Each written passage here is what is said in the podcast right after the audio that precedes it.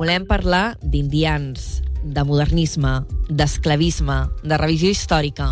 Tot plegat ho farem amb la Tate Cabré, que és doctora en comunicació i autora del llibre Els indians catalans, que ha publicat enguany mateix l'editorial Arca i que justament aquest divendres es va presentar a Torredembarra en el marc de la dotzena Fira dels Indians. Tate Cabré, bona tarda. Bona tarda, Anna, em sentiu bé? Et sentim meravellosament bé? bé. Jo et sento bé, ah, tu em sents bé a mi? Menys mal, perquè m'he espantat i vist el noi de la selva, que quasi que no el sentia, dic, a veure, a veure què passarà. Vale, perfecte, doncs, de, de moment et sentim, et sentim perfecte. Mira, el noi de la selva, tu ets reusenca, però en aquests moments et tenim ja de fa un cert temps vivint per Osona. No sé com hi vas fer cap allà. Això no és part de la no, història, jo, eh, però... Jo també soc, Anna, jo també soc de la selva. Jo vaig ah, néixer de la selva, perquè... jo et feia de Reus.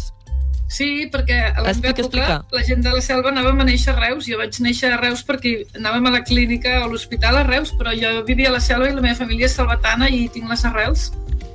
Doncs mira, sí, sí. veus? Ja m'has corregit, ja m'has corregit la dada biogràfica que em sembla que apareix a la contraportada del teu llibre, que posa aquests arreus, i jo m'ho vaig creure. Sí. Bueno, és que Digues. tota la gent que som de, de pobles al voltant de Reus anem a néixer a Reus. I llavors, clar, ja. oficialment, tècnicament, som de Reus.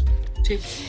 Doncs la Tate Cabré, oficialment de Reus, però filla de la selva del camp i actualment afincada a, a Osona, acaba de publicar Els indians catalans, mil i una curiositat, històries i anècdotes de personatges singulars. És un tema, el dels indians, que ja has treballat en altres ocasions, oi?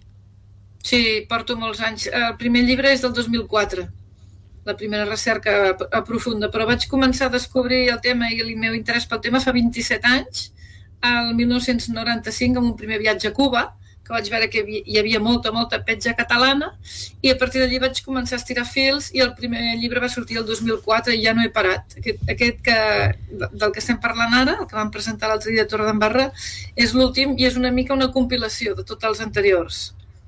Sí, perquè el que fas és un, és un llibre bastant... Bueno, és llarguet, eh? perquè són unes 200 uh, eh, pàgines i escaig, tirant cap a 300, uh, eh, però sí. sí que la presentació és com a bastant esquemàtica, amb capítols i entrades molt breus, per poder fer una aproximació així, com a molt general, no? Sí, aquesta és la filosofia d'aquesta col·lecció que té moltíssims, eh, moltíssims ja llibres, que la col·lecció es diu Mil i una curiositats i llavors, eh, per exemple, el seu best-seller és Mil i una curiositats dels barcelonins.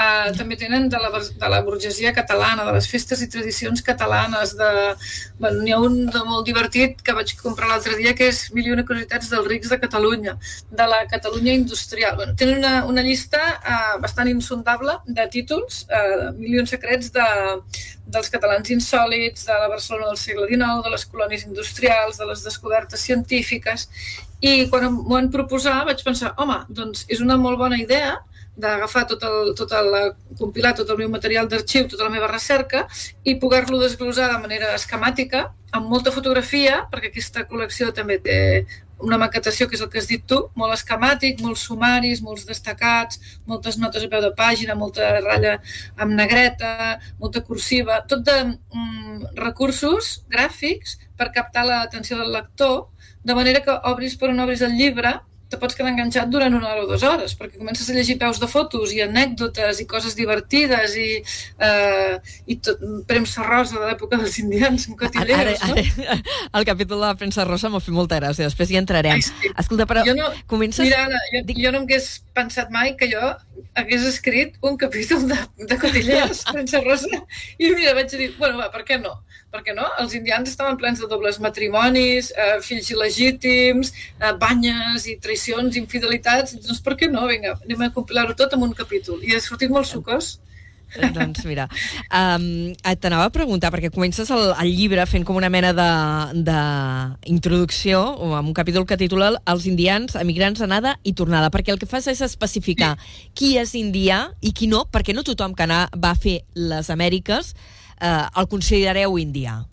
Exacte, exacte. Per exemple, mira, l'altre dia a la presentació del llibre hi havia el, el Josep Bargalló, de, l'historiador de Torredembarra, que, que va fer ara just fa un any un llibre que era, va, va compilar 602 noms de torrencs, o sigui, de gent de Torredembarra, que havien marxat a Amèrica. Però clar, d'aquests que van marxar a Amèrica, eh, evidentment, no tots van tornar, no? I, evidentment, no tots els que van marxar eren indians, no? Llavors anem a desglosar una mica el que són indians i què no.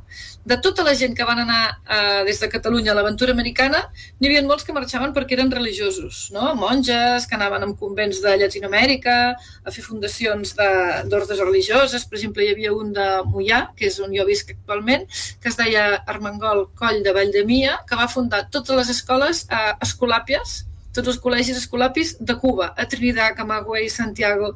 I quan va tornar aquí va fundar el de Valldemia a Mataró. Llavors, no el considerem indià, encara que és d'anada i de tornada, perquè no era un emigrant econòmic, perquè els indians els volem eh, centrar amb la vessant econòmica. O sigui que d'entrada ja traiem tots aquells que van marxar a Cuba per motius econòmics. I, i amb això els que van marxar per motius, perdona, religiosos, són el 21%. Per fer-ho rodó posem el 20%, no? Llavors, dels 80% que ens queden, també van, n'hi ha que van marxar eh, perquè mm, eren exiliats polítics, no? eh, per exemple, republicans o federalistes eh, a l'època del claver, a l'època de les primeres revolucions socials, o, per exemple, gent ideològicament que no quatllaven aquí, com els, els francmaçons, que aquí estaven perseguits, i aquests serien el 13%. Gent que marxa perquè la seva ideologia política aquí a Espanya està perseguida. I els que ens interessen realment, d'aquesta gent que se'n van, són el 80%, que són els que marxen per guanyar-se la vida, els econòmics. Però d'aquest 80% eh, de gent que se'n va, eh, els que tornen no arriben ni al 10%, només són un 8%. O sigui que imagina't, de, 100, de cada 100 persones que marxen, només les 8 que tornen i que tornen rics o, o per motius econòmics, aquests són els que considerem indians. Eh, o sigui que de cada 100 persones, no, només 8 vuit dels que tornen són indians.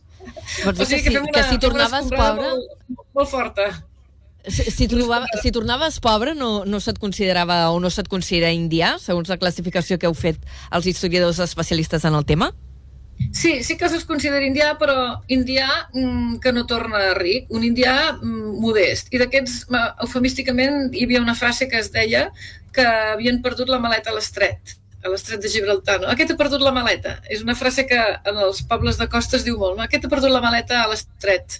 Volguem dir que, pobre, no, no s'ha guanyat la vida. I n'hi havia molts, eh? N'hi havia molts. L'altre dia una senyora de Tarragona em comentava que quan era petita havia tingut una, una dida que s'havia anat a, a Cuba i que quan van tornar eh, van tornar ni molt rics ni molt pobres, eh, en una situació mitjana. I que ella sempre comentava que si no hagués anat a Cuba, a la millor aquí també s'hagués guanyat bé la vida, perquè Cuba van haver de treballar molt, moltíssim, no? Moltíssim, els van, els van explotar molt, no? I, I a més a més allà van perdre un fill que va caure en un pou i es va morir, una senyora de Tarragona. I ella comentava això, no? A la millor mm, aquí també ens haguéssim guanyat la vida de, treballant tant com vam arribar a treballar a, a Cuba, però mm, a Tarragona, diguéssim, els hi feia vergonya, els hi feia vergonya treballar tant, esclar-se tant, no? Eh, Deixar-se explotar tant com, com van fer a Cuba, sense cap pudor perquè ningú els coneixia i a més allà tothom ho feia, no? O sigui que sí, també són indians, però indians modestos o indians pobres, diguéssim. Però són indians, sí. Uh... I això que deies tu al principi, han de tornar. Eh? Si es queden allà, no són indians. Si es queden allà, són catalans d'Amèrica, que també n'hi ha molts són molt famosos, com els Bacardí del Ron, per exemple, però ja no són sí, indians. Això m'ha cridat l'atenció, això va ser el dia de la presentació, no? Perquè pensen els Bacardí de, de Sitges, no? Que, que és un nom així que ha transcendit uh, sí. per, pel Rom, no? Uh, sí. Però, clar, jo pensava que eren indians, i resulta que aquesta gent es van quedar allà i no van tornar. Exactament, i fa poc se n'ha parlat molt d'una família que van allà i no van tornar, que es diuen Bosch, perquè hi va sortir un gran reportatge a La Vanguardia fa, fa una setmana o alguna així, el gran indiano desconocido. Jo vaig pensar, bueno, desconocido per tu potser, però és un indià que és molt conegut Home. perquè hi ha un barri de Santiago que es diu, Santiago de Cuba, que es diu el Reparto eh, Vista Alegre, i el gran edifici del Reparto Vista Alegre és el Palacio Bosch, que li diuen el Palacio de los Pioneritos. Pioneros són els pàrvuls, els, els parvularis són els pioneros, no? I és el Palacio de los Pioneritos perquè és com un gran parvulari molt famós a, a, a Santiago de Cuba. I, i aquest senyor, el, el Bosch, va fer eh, una gran fortuna i el seu fill, que es deia Pepín, Pepín Bosch, va ser un dels grans dirigents de, de Bacardí, del rom Bacardí, i el que va portar Bacardí fora de Cuba amb el triomfo de la revolució en l'any 59. No? O sigui que aquest també seria una família de catalans d'Amèrica, eh, els, els, els Bosch de Santiago de Cuba. Eh, Hi ha un altre català d'Amèrica, o sigui, no considerat indià, però també es va quedar allà, Montblanquí, Sí. Que jo també desconeixia, Josep Conagla i Fontanilles, molt Sí. vinculat al moviment independentista de Cuba. Sí. Bueno, veus, tu, tu el desconeixies, però la gent de Montblanc saben molt bé qui El és. deuen tenir molt fitxat, no? és que dona nom a la gran biblioteca de Montblanc, que és la biblioteca Conangle i Fontanilles, perquè en Montblanc sí que eh, és, és un personatge molt conegut, perquè en vida va viatjar a Montblanc, i bueno, com que és el redactor de la Constitució catalana del, del 28, del 1928, eh, a Santiago de Cuba, la, on es va oficialitzar l'estelada com, a la, com a bandera separatista independentista de Catalunya, en Conangle i Fontanilles és considerat un pare de la pàtria, no? i aquest senyor sí que té un llarg recorregut, va fer molts llibres eh, autobiogràfics i després també d'assaig. Quan, quan estava visquent a l'Havana va, centra, va fundar el Centre Català, que era una escissió del Casal Català de l'Havana, una escissió separatista i, i, i radical. A més a més va ser un periodista de, molt conegut a l'Havana eh, i és, és un personatge molt famós a la història de Cuba i, i també a la història recent de Catalunya amb, amb un blanc, eh, ja et dic, se'l coneix molt bé, no? Aquí al llibre, I Anna, faig una llista Digues. dels 10 catalans d'Amèrica més famosos. Sí. Sí, que són el, el Pau Borrell, aquí no és gaire conegut, però en canvi a Trinidad sí, perquè quan vas a Trinidad, al sud de l'Havana, visites el Palacio Borrell i, i bueno, el llibre posa una foto del Palacio Borrell. Després el Pancho Martí, o Francisc, Francesc Martí i Torrents, que va tenir el monopoli de tots els mercats a Cuba i era un personatge molt famós. El Salvador Samà, de, del Samà Marquesos de Marianao, el Baró i Blanchard, marquès de Santa Rita i vescomte de Canet de Mar, també un dels grans esclavistes de Cuba, el Facund Bacardí, del Ron Bacardí, el Jaume Partagàs, que per, potser us sona més per- perquè és el dels tabacos, Partagàs, dels puros, Partagàs, era d'Arenys de Mar, el Soler Morell, conte de la Diana, Joan Antoni Soler Morell, que era de Vilanova i la Geltrú, el Miró i Argenter, gran pare de la independència de Cuba, aquest va escriure les cròniques de la independència cubana, el Conangle i Fontanilles, que t'agrada a tu, i l'Artur És que m'ha Mundet i cridat Carbó, l'atenció. No... Bueno, el que, el que t'interessa a tu, no? I l'Artur Mundet, que també sona el seu nom perquè és el que va donar els diners per fer les llars Mundet eh, al Vall d'Hebron, no? Les llars Mundet que, que encara existeixen, no? I que es va fer ric amb èxit amb, amb les carbòniques, amb les gaseoses. Potser els que, els que són més moderns, que els hem sentit a dir, que, com l'Artur Mundet, el Conangle Fontanilles, el Partagàs, eh, són més famosos i en canvi a Cuba es coneix més el Miró i Argenter perquè és un gran heroi de la independència cubana, eh, el Pau Borrell per, per Trinidad. O sigui, són noms que a la millor sonen més allà que aquí, però són catalans d'Amèrica. Curiós, eh? Eh, has esmentat així de passada un terme mm, negrer barra esclavista Hmm. eh, perquè s'ha vinculat molt eh, als indians, la gent que va anar a fer les Amèriques amb aquest negoci, amb el tràfic de persones.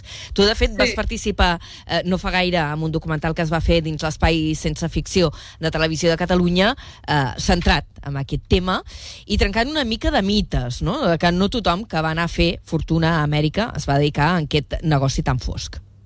Sí, i tant, i tant, perquè uh, jo crec que aquí l'error de, de, de quan es tracta aquest tema massa superficialment és pensar que la gent que va anar a fer les Amèriques, els indians, tots eren negrers, i què, més lluny de la realitat, no?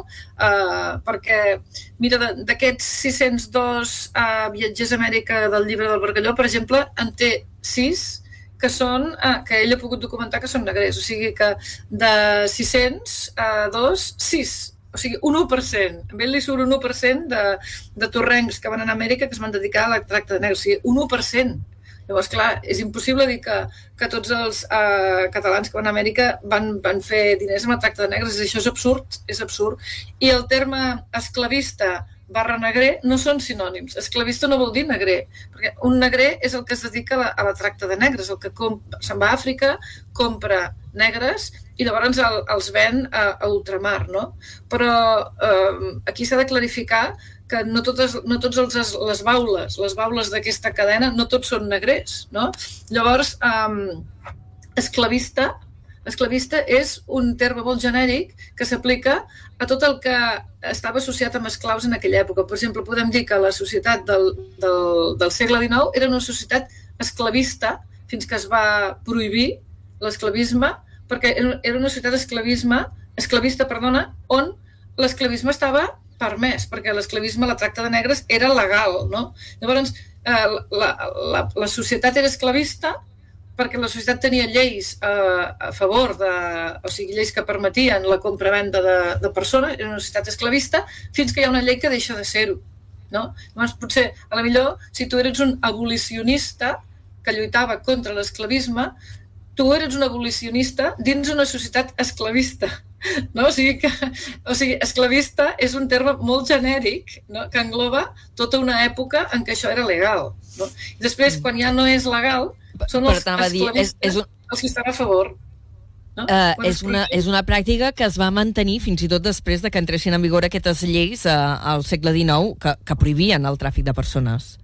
Aquest és el problema mm, que surt amb el tema dels indians, que hi ha alguns eh, negrers que continuen fent eh, tràfic de negres quan està legalment prohibit. I ho fan perquè, com que a les, a les plantacions de, de Cuba, de Puerto Rico, de la Dominicana, de tot arreu, es continua necessitant mà d'obra, doncs els hi continua sent rentable anar i vendre els seus esclaus. No?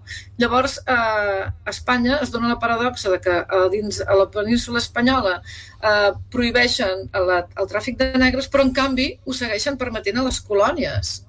Val? I llavors, clar, aquesta, feta la llei, feta la trampa, eh, a tots aquests eh, negrers que està documentat que ho eren, que compraven mm, negres a Cuba, ai, perdona, a Àfrica, i els venien a, a, al Carib, feien veure que eren negres que ja es compraven en altres illes i els movien d'illa a milla.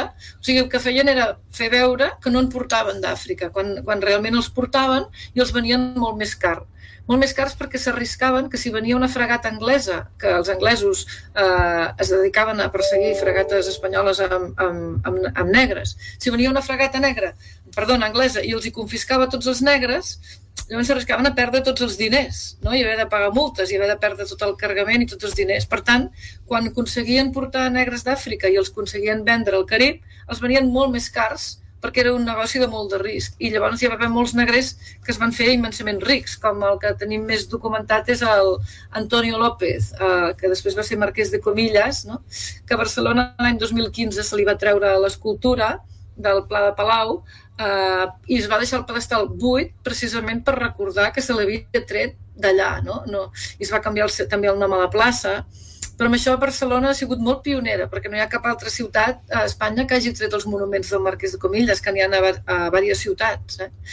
Dir que aquí a Catalunya, en el tema negrès, hem sigut pioners amb eh, parlar-ne eh, eh, amb llum i taquígrafs, amb treure els seus noms de, dels monuments, amb fer estudis i fer llibres. O sigui que Catalunya és un, és un lloc d'Espanya que és pioner en parlar del tema de la tracta de negres, però en canvi no és el lloc d'Espanya on n'hi havia més perquè quan mm. aquí es va començar el, el comerç amb Amèrica, després del Tractat de Lliure Comerç del 1778, aquest comerç ja existia a totes les altres eh, parts de lo que és avui Espanya, no? I els catalans hi vam arribar molt tard, eh, tant a l'aventura americana com a la tracta de negres, no? No és una uh... cosa que s'identifiqui amb Catalunya ni que sigui peculiar de Catalunya, ni molt menys. Doncs tota aquesta nova recerca històrica que ha permès recuperar tota aquesta vessant més fosca de, del món indià, eh, tot i aquest revisionisme, tu ets de les que defensen que això no ens ha de portar a oblidar o, o a posar una nota negativa en el llegat indià i deixar de fer, per exemple, les fires indians com la que aquest cap de setmana es va fer a, a Torredembarra. De fet, tu col·labores regularment amb el Diari de Tarragona, amb articles eh, d'opinió a, la, a la contraportada, i ahir en publicaves un en relació amb aquest tema, i si et sembla, amb sí. això acabarem la conversa. Sí, sí, sí, Anna, perquè um, quan es va presentar aquest documental eh, de TV3 que estava produït per Sapiens, va haver molt de, molt d'enrenou a les eh, xarxes socials i va haver molta gent que estava indignada perquè el, el documental s'associava al món d'ultramar, al món de l'aventura indiana catalana, s'associava massa amb el tema dels negrers. Era com si, com si has dit tu abans, no? com si tots els indians fossin negrers quan això és una mentida. O sigui, és una, un 1% eh, de moment. No? I, i llavors, en canvi, hi va haver un altre tipus de comentaris a les xarxes socials que deien sí, sí, Catalunya està basada en la sang, el progrés de Catalunya es basa en la sang dels negres i el comerç dels negres. Jo vaig trobar tan absurd tan absurd que eh, em va indignar molt. No?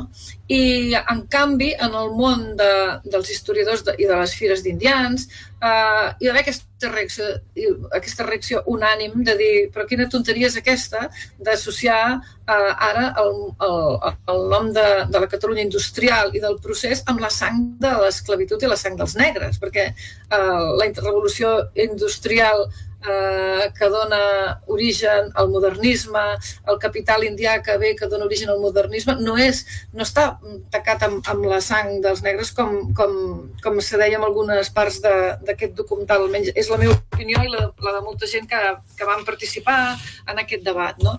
I llavors la, aquestes veus en contra mm, de les fires d'indians i també van atacar molt els gegants negritos, volien que es retirés el sí, gegant negrito. Sí, aquest tema va sortir, sí, sí te'n recordes de tot aquest debat? Hi va haver una mica de, de renou en aquest tema i, i el que comentava l'article d'ahir és que les veus polítiques que demanaven la supressió de les fires d'indians, els viatges a Àfrica, vaig arribar, vaig arribar a llegir que els viatges a Àfrica són neocolonialisme, per favor. O sigui que si tu ara te'n vas amb la teva família a Egipte o al Marroc, ets un neocolonialista que es vol aprofitar de, dels recursos africans. Bueno, tot això són coses que a mi em superen i, i bueno, la prova de que eh, no sóc l'única i que això no va agradar gens a l'opinió pública és que l'opció política que, que es presentava amb aquestes reivindicacions no va tenir no va tenir votació, es va quedar fora de l'Ajuntament de, de Barcelona i bueno, quan eh, no? comentant aquest tema doncs és molt representatiu que, que la persona que va fer bandera d'aquests temes doncs, va quedar arraconada perquè no va tenir cap ressò de cap tipus. O sigui, va ser, va ser un error per part uh... eh, d'aquesta política abanderar-se amb aquest tema. De a mi va fer pensar una mica... Gegants negres quan va sortir mm. tot el debat també als Estats Units sobre si s'havia d'emetre a, uh, Lo que el viento se llevó, no? Allò també criticant a, ah. aquella pel·lícula com si fos una defensa de, del, de l'esclavisme. Hem parlat amb la Tati Cabré, eh, ella és reusenca, doctora d'origen mm, de la Selva del Camp, doctora en comunicació, autora del llibre Els indians catalans que s'ha acabat de publicar, eh, el trobareu a les llibreries, editat per l'editorial L'Arca. Moltes gràcies per haver-nos fet confiança i acompanyar-nos avui en aquest segon programa de la temporada, però el 1116 de Carrer Major. Fins la propera, Tate. Moltes gràcies, Anna, i felicitats per la vostra longevitat. gràcies. Fins després. Adéu-siau. Adéu.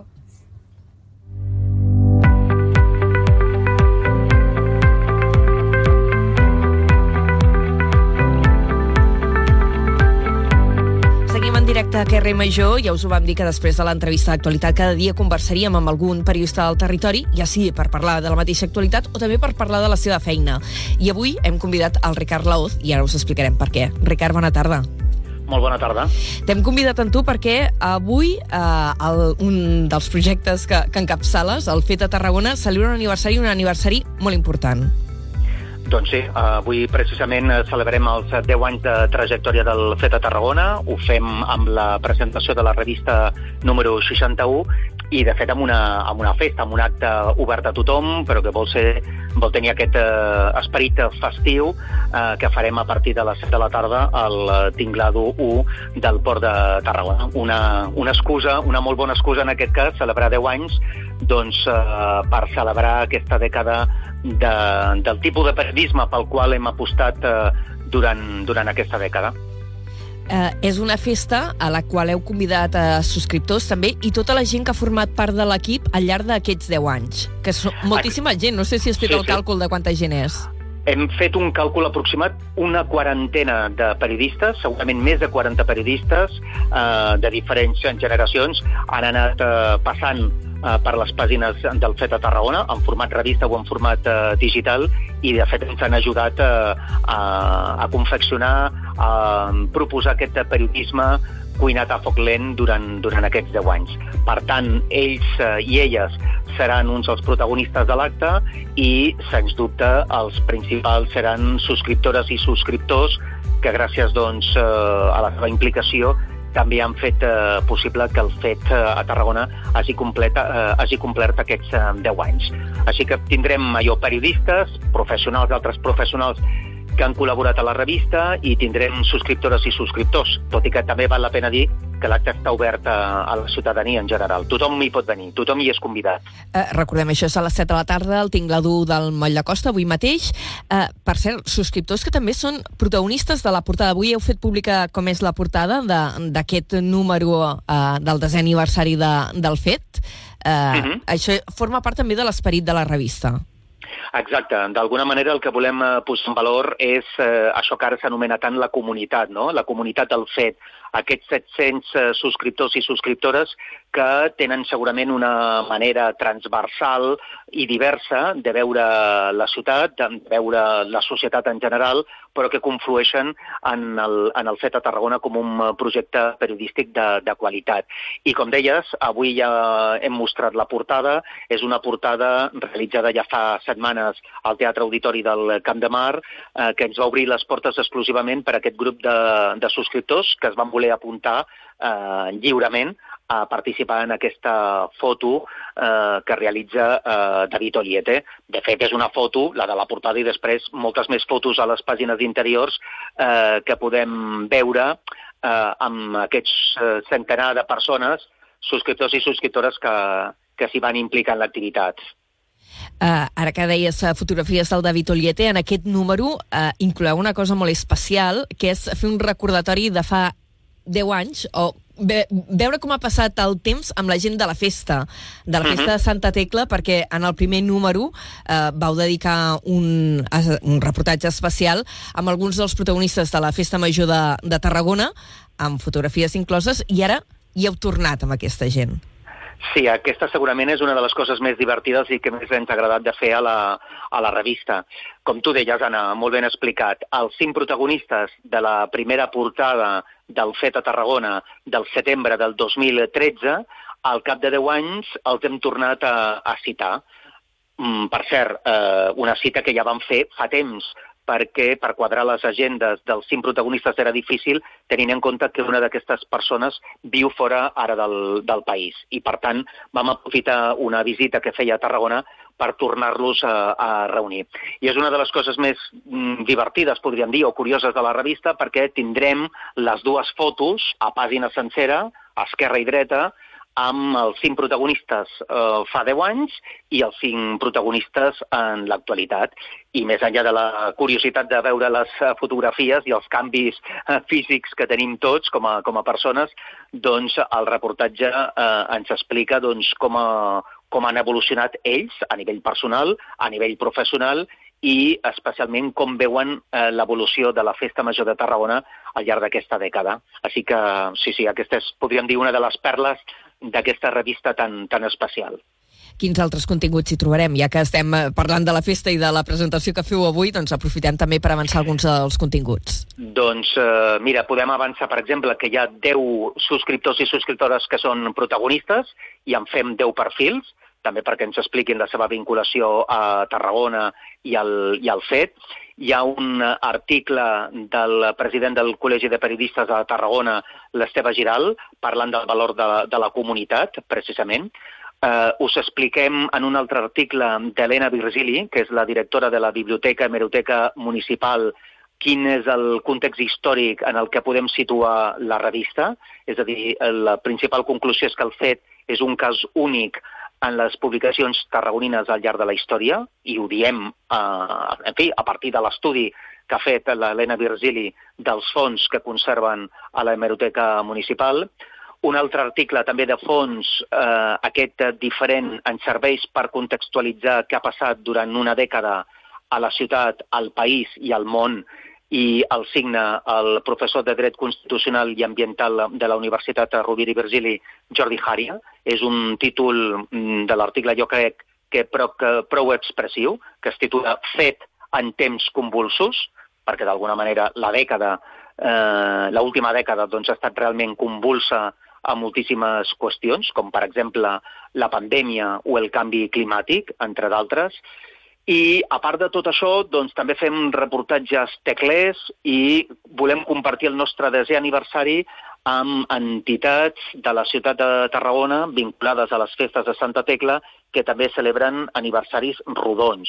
I, per tant, compartim l'aniversari i la revista amb el Ball de Diables, que fa 40 anys, la Víbria, el Lleó i la banda Unió Musical de Tarragona, que en fan 30, i el grup de grellers La Virolla, que, com nosaltres, en fan 10.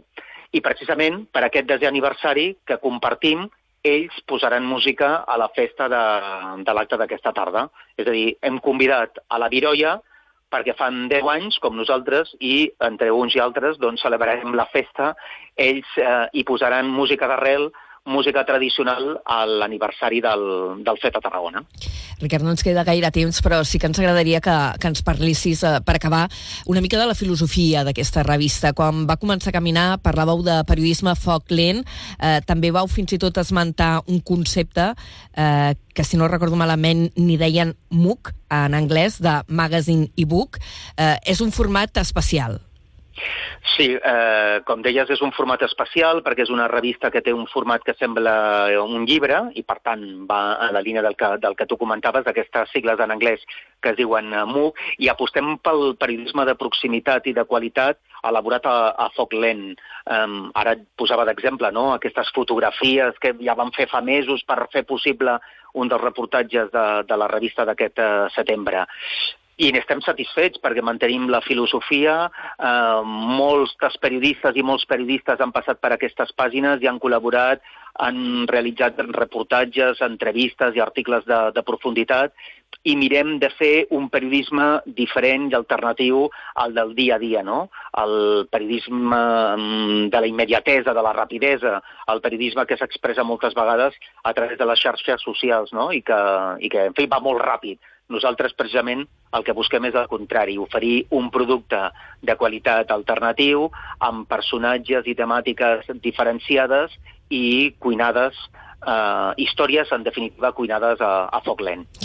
Doncs Ricard Laoz, moltíssimes gràcies per acompanyar-nos en aquest dia tan especial per al Fet a Tarragona, eh, per aquest desè aniversari d'aquesta revista i per molts anys més.